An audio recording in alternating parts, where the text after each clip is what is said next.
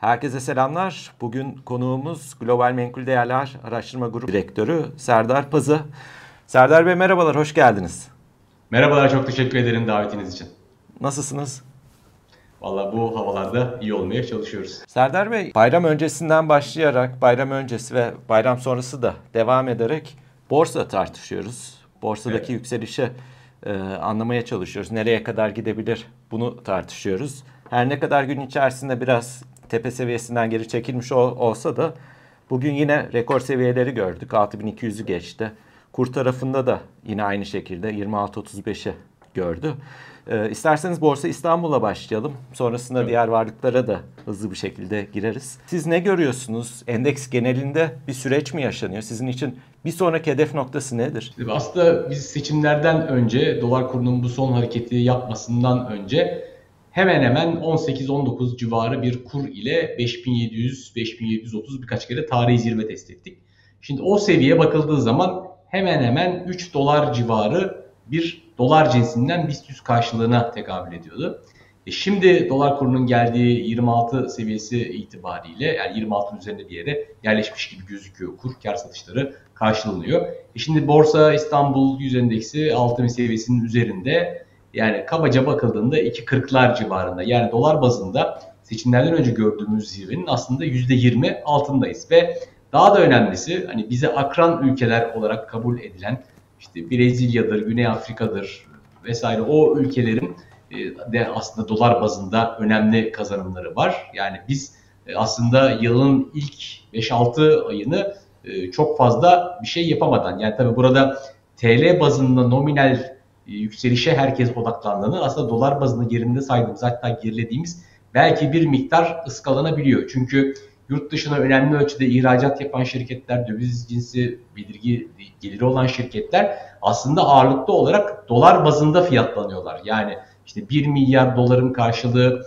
19 milyar TL, şimdi 26 milyar TL oldu. Biz aa o şirket %30-35 değer kazandı diyoruz ama aslında dolar bazında yerinde sayıyor belki. Yani bütün BIST 100 için bu e, egzersizi yaptığında aslında dolar bazında görülen kısa vadeli zirveden bir %20 aşağıdayız. Tabi yabancı yatırımcının çok işin içinde olmadığını e, ölçen birkaç tane metrik var. İşte en belirgin herkesin yakından takip ettiği CDS risk birimi. Burada hani 470-520 arasında bir patinaj var. Yani tam anlamıyla yine uygulanan politikalara bir e, kredibilite tanındığını, bunun satın alındığını yabancı yatırımcı tarafından görüyor olsak çok daha aşağılara bir yere gelebilirdi. Çünkü gene bize akran ülke olarak kabul edebileceğimiz işte Kolombiya'dır, Meksika'dır, Brezilya'dır ya da bize daha yakın coğrafyadan işte Romanya olabilir, Polonya olabilir, Güney Afrika olabilir aynı bölgede değerlendirdiğimiz. Bu ülkelerin CDS risk primleri 200'de 300'ler bandında çok daha aşağılarda bizden. O yüzden hani yabancının çok fazla satın almadığı ama yerli yatırımcının ve büyük ölçüde de seçimlerden önce kar realizasyonuna giden, kenarda kalmayı tercih eden, bir miktarda altına yönelen yerli yatırımcının yeniden borsada pozisyon açtığını görüyoruz. Ve TL bazında dediğim gibi gelinen e, yeni zirveler aslında diğer metrikler açısından çok bir şey ifade etmiyor. Yani dolar cinsinden pek aslında bir performans olmadığını açıklamaya çalıştım. İşte yani değerleme temel analiz açısından da bakıldığında işte fiyat kazanç nispetinde 5'lerden e, 6'lara geldik. Yani bir şirket 6 yıllık kazancını kabaca el değiştiriyor.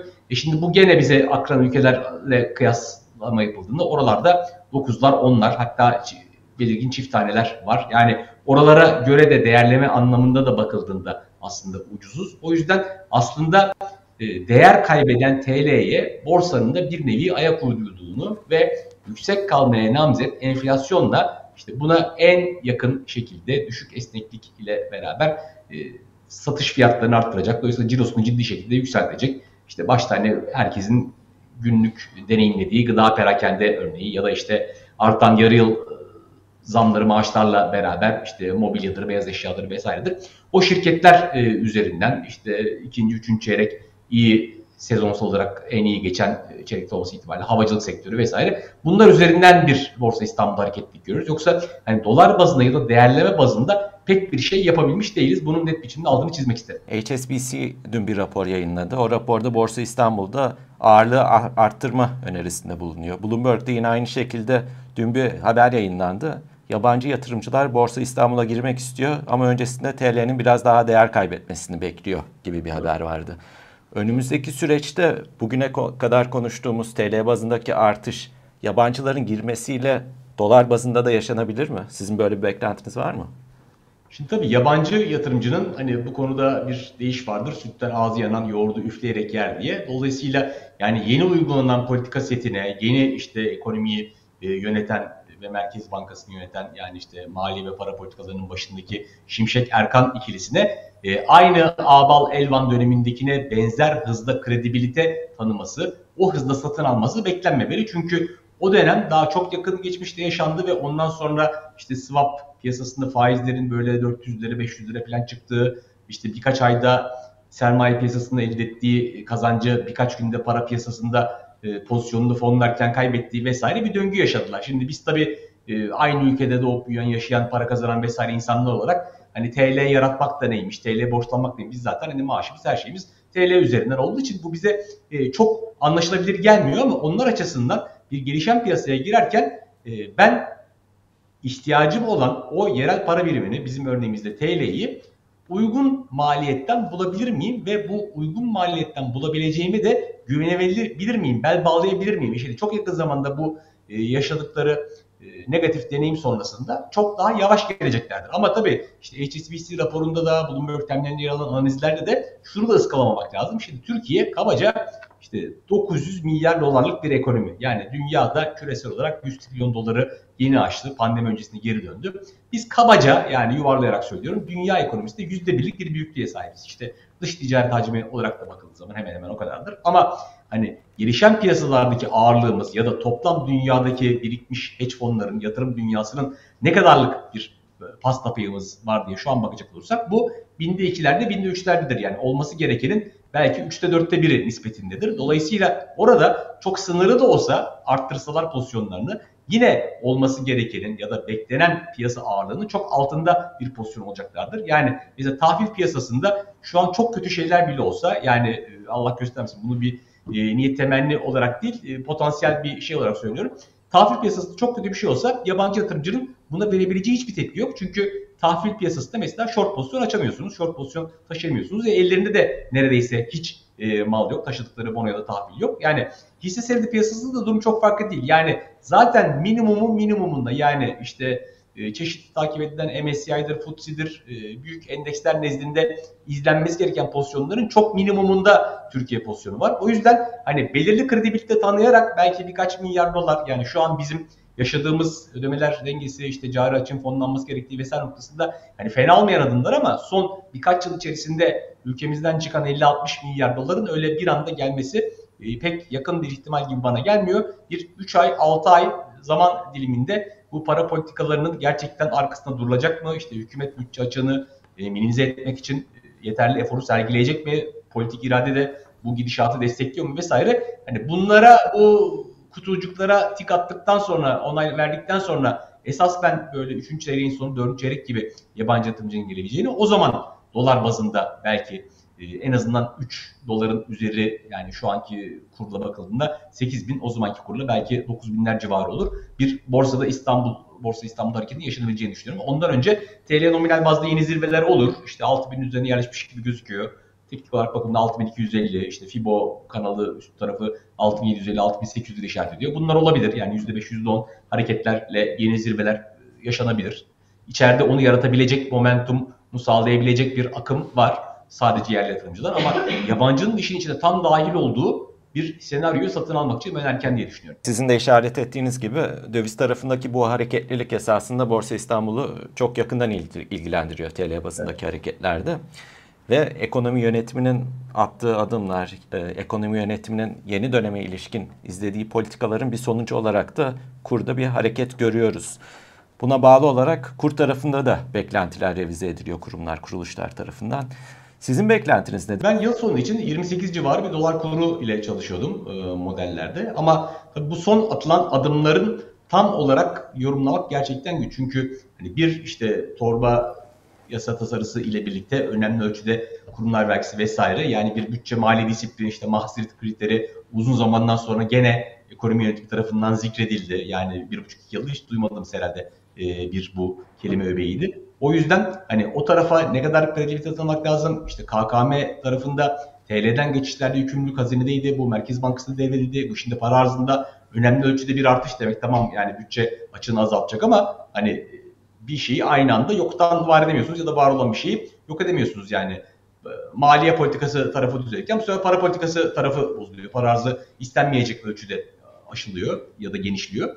E şimdi bunların hepsini ben bir arada değerlendirdiğimde işte yarı yıl zamları, seyyanen memur maaşlarına yapılan zamlar, özel sektörün muhtemelen bu ay içerisinde yapacağı e, belki daha ufak ölçekte ama revizyonlar toplamda talep enflasyonu üzerinde belirgin bir katkısı olacaktır. Diğer taraftan ithalatın e, kurdaki artıştan belki bağımsız olarak yukarıda kalmaya devam ettiğini görüyoruz. Bu işte yatırım amaçlı otomobil ya da ertelenmiş tüketim talebinin ya da öne çekilmiş tüketim talebinin özellikle elektronik e, tarafında e, cari açığın ya da dış ticaret açığının yüksek kalması neden olabilir. Şimdi bu faktörler hep bakıldığı zaman kurda yukarı hareketi destekleyen gelişmeler. Tabii ki DTH tarafında bir azalma çözülme görüyoruz KKM geçişlerle ve yabancı yatırımcının taşıdığı aşırı döviz long TL short pozisyonlarını azalttığını da görüyoruz. Yani bunlar da dengeliyor ama ben bu kadar genişlemeci alımların bir arada hani kuru yıl sonunda 30'lar civarına getirebileceğini, enflasyonu da benim daha önceki beklenti olan 45'lerden 50 ve üzeri bir yere doğru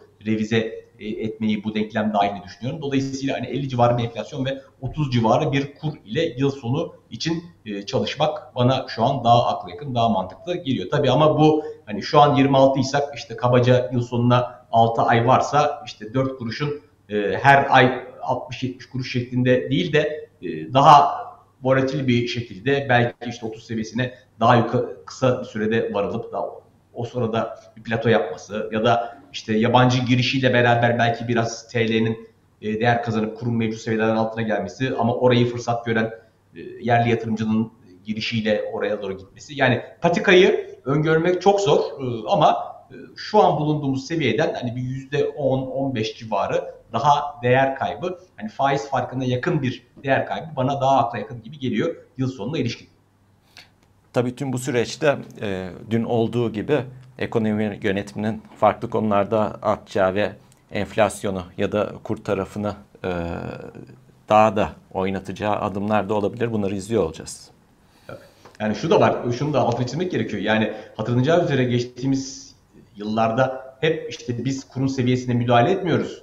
Aslında e, volatilite oluşmasına karşı ya da sağlıklı fiyat oluşması için müdahale ediyoruz söylemi çok arkasında durulan bir söylendi. E şimdi e, bundan birkaç gün önce ona benzer biçimde işte Bloomberg terminalinde vesaire çeşitli haber ajanslarına geçen 1 milyar doların üzerinde kamu bankalarından satış yapıldığına dair geçen haberler. Ondan sonra Merkez Bankası yetkilileri tarafından yine aynı söylemle savunuldu. Şimdi yani e, daha hani bundan birkaç öncesine kadar o zaman devam eden süreçler hani ne değişti? Zaten para politikası kurulu üyeleri bakıldığı zaman başkan ve atanan yeni bir üye hariç e, blok olarak aynı kişilerden oluşuyor. Yani e, çok kırılgan bir zeminde ilerliyoruz. Yani yabancı yatırımcının ikna olmaması için ya da kendini ikna etmekte zorlanacağı e, faktörleri bir an önce elimine edip yani artık eskisi iyisiyle kötüsüyle kenarda kaldı. Biz yeni işte ortodoks politikalar. Ortodoks politikaların da hani içini açmak gerekiyor. Akla yakın, makul, güvenilir, e, işte ekonomi teorisiyle çelişmeyen e, mantıklı bir ekonomi politikası setine geçişi e, her koşulda güveni tesis etmek adına altını çizerek sahiplenmemiz gerekiyor. Peki Serdar Bey bir yandan da küresel piyasalarda da önemli adımlar atılıyor. Bunun başında Fed geliyor. Fed'in geçen toplantıda attığı adımları o toplantıdan bugüne kadar Amerika'da açıklanan verileri ve bu veriler ışığında Fed'in önümüzdeki toplantı ve toplantılarda atacağı adımları tartışıyoruz. Bunun tüm dünyaya etkisi olduğu gibi Türkiye'ye de etkisi olacaktır. Evet. Ee, o tarafta ne beklersiniz? İşte tabii faiz artırım döngüsünün hani bundan birkaç ay öncesine göre bakıldığı zaman e, beklenenden biraz daha uzun süreceği. Şimdi yani yılın başında ya da geçen yılın sonunda ne bekleniyordu? Yaz aylarında FED faiz indirimine başlar diye beklentiler vardı. Şimdi FED ısrarla 2023'te benden faiz indirimi beklemeyin dedi. Hatta şimdi artık son gelinen nokta ne? İşte bir ay ara verdikten sonra ki e, FED toplantı tutanaklarını gördüğümüz üzere bazı üyeler hani arada vermememiz gerekiyor aslında. Biz enflasyon çok daha e, bizim hedeflerimizden yukarıda bir yerde. Bizim bu hani talep enflasyonu iş güç piyasasındaki e, çok sağlam duruşu bir noktada bozmamız gerekiyor. Çünkü ham madde e, fiyatları ya da enerji fiyatlarında anlamlı bir kırılım başaramadı Amerika. Yani stratejik rezervini kullandı. İşte Venezuela'yı, İran'ı, akla gelebilecek bütün e, petrol üreticisi coğrafyayı bir şekilde harmanlayarak üretimi çekmeye çalıştı ama Suudi Arabistan ve Körfez ülkeleri bile işte en büyük e, Amerika'nın e, bakıldığı zaman e, karşısındaki blok Rusya ile bir işbirliğine giderek üretim kısıtlarının devamını sağladı. E şimdi demek ki enflasyonu öyle kırmak sanıldığı kadar kolay değil. En aşağı bir arttırım, potansiyel iki arttırım artık e, makul beklenti haline gelmiş durumda. E, Avrupa en aşağı iki tane daha 25 bas puanlık arttırım. Gene e, vadeli piyasası swap eğrisine baktığın zaman e, okuyabiliyorum. E, İngiltere'de bir türlü enflasyon aşağı gelmiyor. Dolayısıyla 6,5'lara kadar orada e, faiz oranlarının yukarı çıkması söz konusu. Yani aslında Avustralya ve Kanada'daki beklenmeyen faiz arttırımları biraz bunun bize ilk nüvesini vermişti. Çünkü gelişmiş ülke merkez bankaları aslında işte belki biraz Japonya'yı hariç tutuyorum. Çünkü onlar e, ayrı bir senaryo yaşıyorlar. Yani bir türlü resesyondan çıkamıyorlar. Ama onun haricinde e, gelişmiş ülke ekonomileri ya da majör para birimlerine sahip ülke merkez bankaları belli bir koordinasyon içinde. Yani faizler daha uzun süre beklenenden daha yukarıda kalacak. Faiz indirimleri 2024'ün belki ilk çeyreğinden önce gelmesi çok zor. E bu da e, tahvil piyasalarının daha cazip olabileceği hisse senedi piyasalarına göre bir yüzleme işaret ediyor ve hani paranın çok fazla risk almadan da makul getiriler yaşayabileceği bir noktada o zaman neden farklı ülke riskleri, farklı para birimleri riskleri alınsın ki diye çok bizim gibi dış finansman ihtiyacı olan ülkeler açısından elverişli olmayan bir duruma işaret ediyor. Ama burada gene şu potansiyel farka dikkat çekmek istiyorum. Yani bu e, zaten geçtiğimiz bir yıl içerisinde, bir buçuk yıl içerisinde e, global sermaye piyasalarından işte hak ettiği, belki hak ettiğinin üzerinde pay alan işte Vietnam gibi, Meksika gibi, Kolombiya gibi bir ülke için çok kötü haber olabilir ama biz zaten o döngüde e, neredeyse hiç pay almadık. Hatta bilakis e, olası yükselişleri hep kar satışı fırsatı olarak değerlendirdik. O yüzden hani orası kötü giderken de biz bir miktar iyi gidebiliriz. Ha, orası iyi gitmeye devam etti. Biz ev ödevimizi iyi yaptık vesaire. O tabii çok iyi senaryo yani. Herkesin mutlulukla şu an satın alabileceği bir senaryo. Ama dışarıda işler çok aşırı bozulmadan büyük bir jeopolitik riskten işte Amerika'nın Çin'in karşı karşıya gelmesinden, Rusya-Ukrayna savaşının derinleşmesinden vesaire bahsetmiyorum. Yani mevcut koşulların korunmasından bahsediyorum ya da çok az kötüleşmesinden bahsediyorum. Bu bile bize olası sermaye e, akımlarını kesebilecek bir durum değil. Çünkü biz olması gerekenin olabileceğimizin çok altında bir noktadayız. Yani o arada gelebilecek belki 5-10 milyar dolarlık bir hareket bile bizim sermaye piyasalarımızı, para piyasalarımızı oldukça olumlu etkileyebilir. Ama dediğim gibi yani bizim ev ödevimizi eksiksiz yapmamız ve geçmişin negatif hatıralarını canlandırmayacak bir şekilde bu yoldan sapmayacağımızı taahhüt etmemiz çok önemli. Piyasaları ikna etmemiz gerekiyor. Kesinlikle. Peki bugüne kadar atılan adımları göz önüne aldığınızda bu süreci iyi kullanabildik mi? İkna edebiliyor muyuz? Siz nasıl görüyorsunuz? Tabii süreç daha çok yeni. Yani 5-6 haftadan bahsediyoruz. Şimdi dediğim gibi birkaç tane kulaklara kar suyu kaçıran gelişme oldu. Yani işte bir mesela tam biz bir rasyonel politika setine dönüyoruz. E o zaman rasyonel politika seti işte ya geçmiş 12 ay enflasyon ya gelecek beklenen 12 ay enflasyonun arasında bir para politikası. Ama şimdi biz e, kademeli olarak oraya geçiyoruz. E, kademeli nasıl olacak? İşte e, bakıldığında enflasyon beklentisi 30 ki o da piyasa katılımcılar anketi yani bayağı naif bir beklenti. E, TÜİK'in açıkladığı enflasyon 38. E, şimdi bu ikisi arasında belki ikisinin de üzerinde bir politika faizi aslında ortodoks politikanın gerekliliği ama onu yaparsak iş gücü piyasası, istihdam piyasası çok fazla bozulabilir. E bir de Mart ayında yaklaşan yerel seçimler var. Bunun öncesinde muhtemel yatırım harcamaları, işte bu yarı yıl zamları vesaire bunların hepsini topluca bir resim çerçevesinde okumaya gayret ettiğimizde hani e, olası fireler de burada dikkat çekiyor da yani o kadar engebesiz bir araziden söz etmiyoruz. Çok farklı hedefleme aynı anda yapılmaya çalışılıyor. O da odak noktasının kaybolabileceğine e, işaret ediyor ya da o potansiyel riske işaret ediyor. O yüzden e, ben hani şu ana kadar tabii ki fena değil ama önümüzdeki yolun birkaç aylık e, belki birkaç çeyreklik yolun e, dikenli ve e, yani bir miktar engel engebeli olabileceğini düşünüyorum. Serdar Bey çok teşekkür ederim. Ben teşekkür ederim. Sağ olun nazik davetiniz için. İnşallah ben de sevdiğim, izlediğim, takip ettiğim Mesele Ekonomi kanalında yeni yayınlarla buluşuruz. Çok sağ olun. Çok mutlu olduk. Hoşçakalın. Hoşçakalın.